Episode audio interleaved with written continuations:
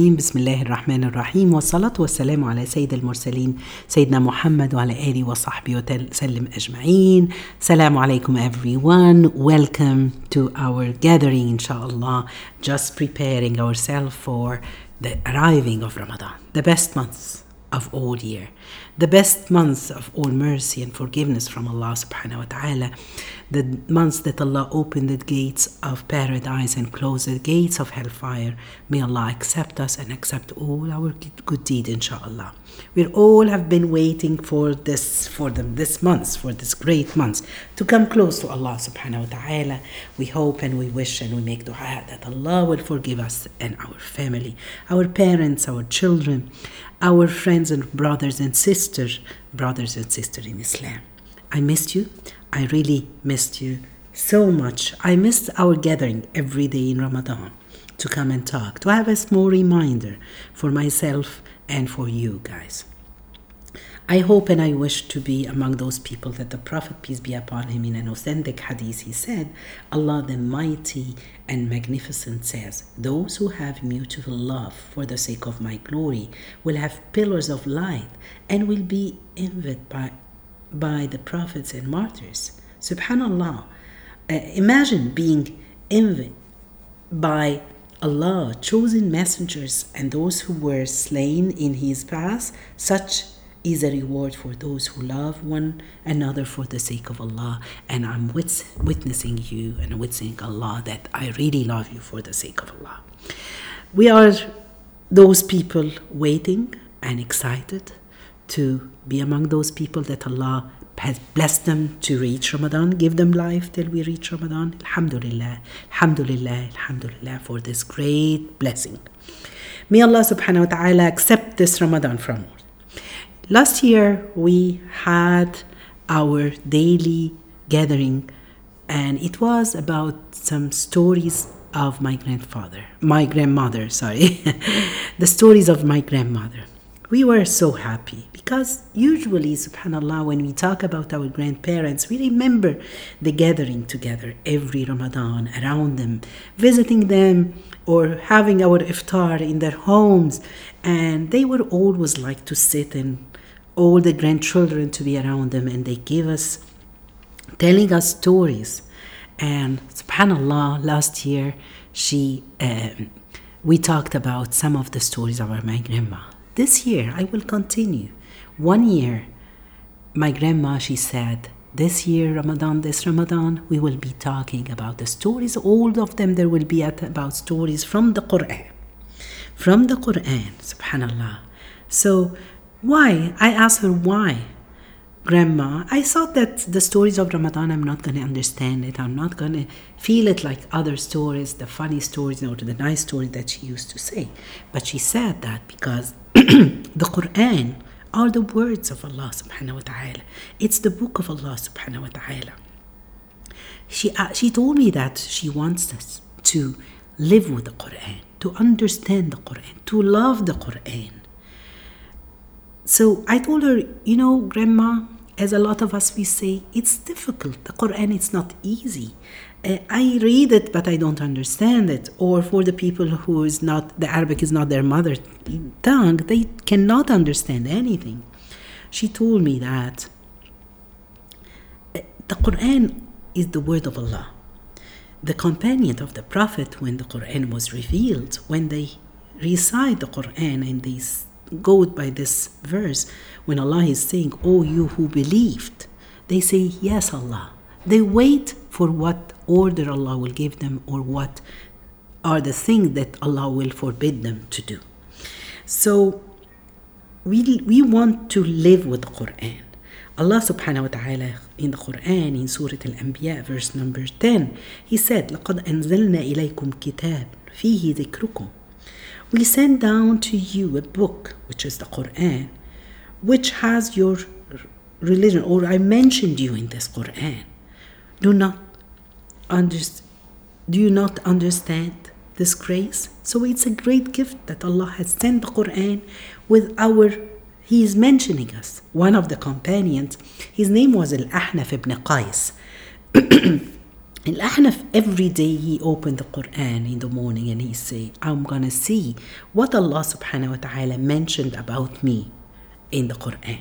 So the first day he opened and he, he read the verse that Allah subhanahu wa ta'ala has Allah has bought from the believers themselves and their money that I grant for them paradise. And then he said, I don't think I'm among, among those. The next day he opened the Quran and he found in Surah An-Nisa, verse 125, Allah subhanahu wa ta'ala talking about the hypocrites.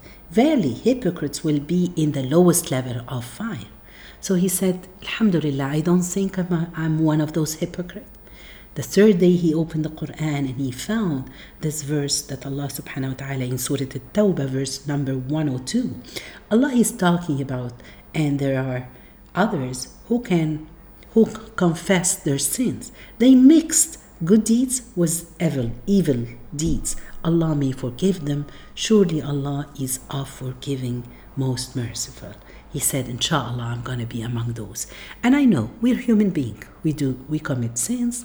We try to do our best to commit good deeds. So let's get encouraged. Let's get have this energy that inshallah, if Allah, with Allah wills for starting Ramadan with the good intention that we want to do the best. We want this Ramadan to be the best Ramadan ever in our life. Imam al-Shafi'i, he used in Ramadan to, to finish, to recite Quran, to finish the whole Quran 60 times, which means twice a day, one in the morning and one at night. Of course, we're not Imam Shafi'i. We will try our best. Okay, for two khatmas, one khatma, three khatmas, to finish the whole Quran, no one knows. We will try our best. Imam Abu Hanifa, when Ramadan comes, he stopped all his lessons, and just the only lesson that he gave people is about the knowledge of the Quran. Imam Ahmad ibn Hanbal, he, he, used to say that the Rasul, peace be upon him, he's he was a Quran walking on earth. When they asked Tina Aisha to describe the Prophet, she described him like this He's a Quran walking on the earth. So we want to have the manners of the Quran. And every day he say, I want to take the manners that I've read it in the Quran today and apply it in my.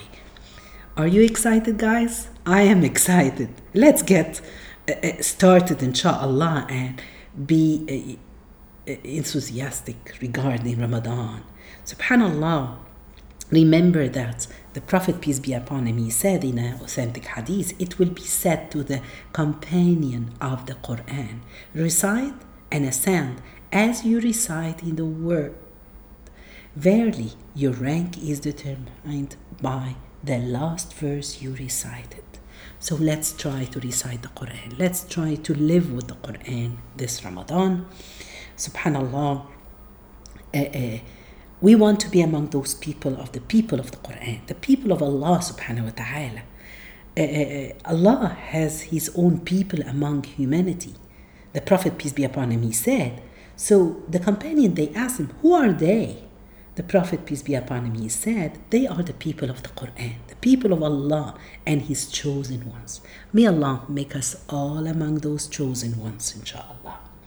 Then that year when my grandma told us the whole stories of the from the Quran, she told me that I want you to benefit four things from this Ramadan or from those stories of Ramadan.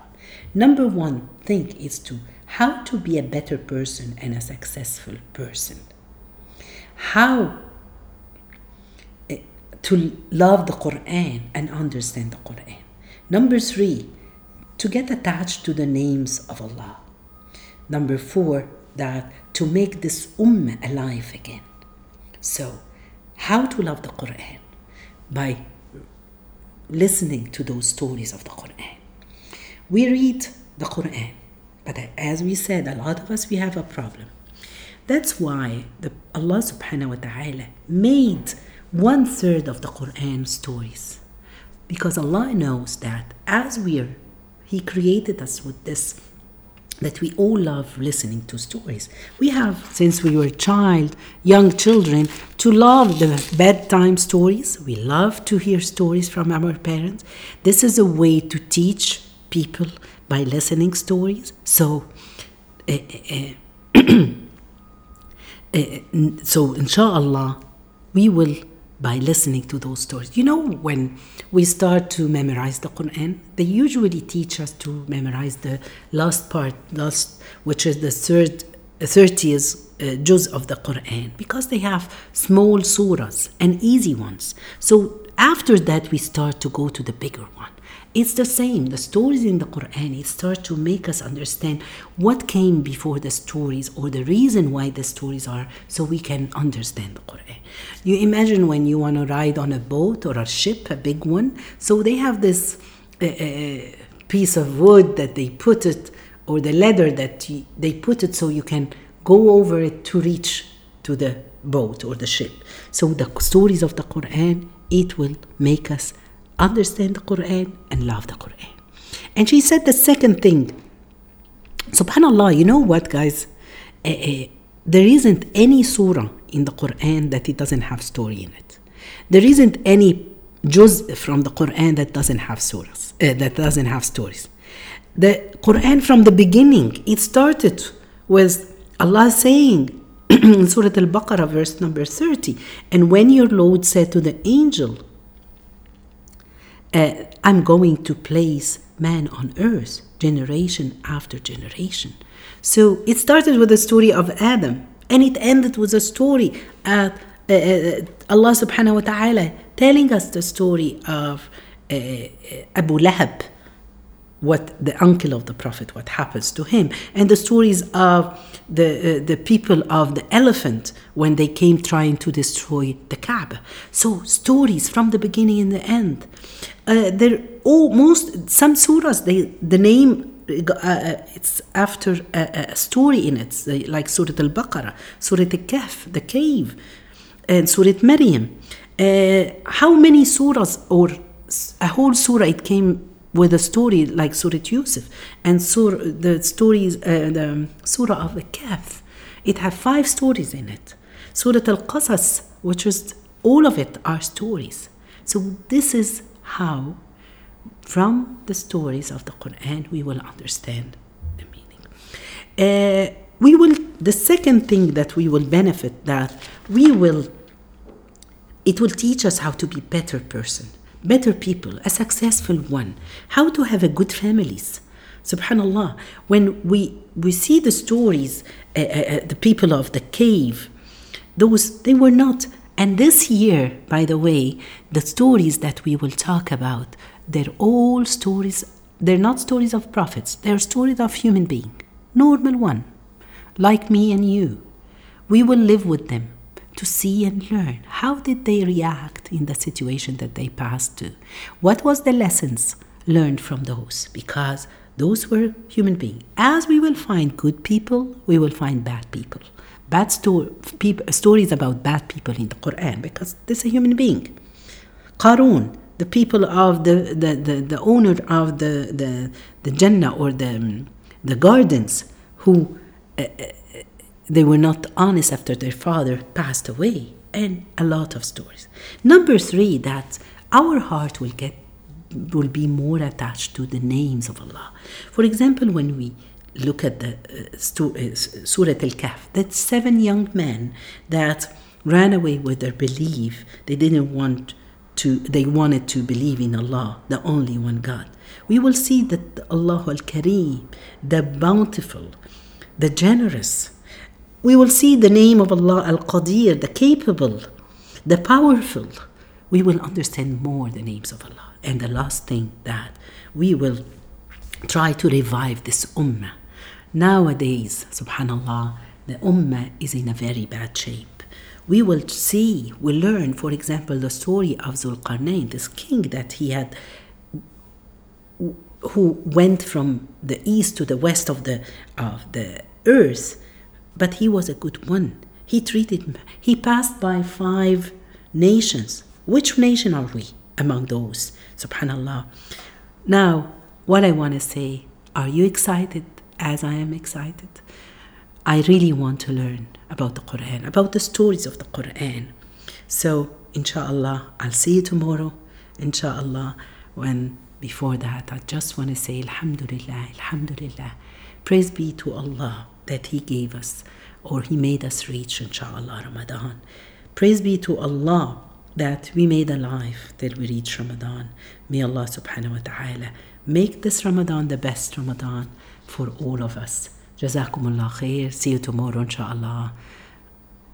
Assalamu alaikum wa rahmatullahi wa barakatuh.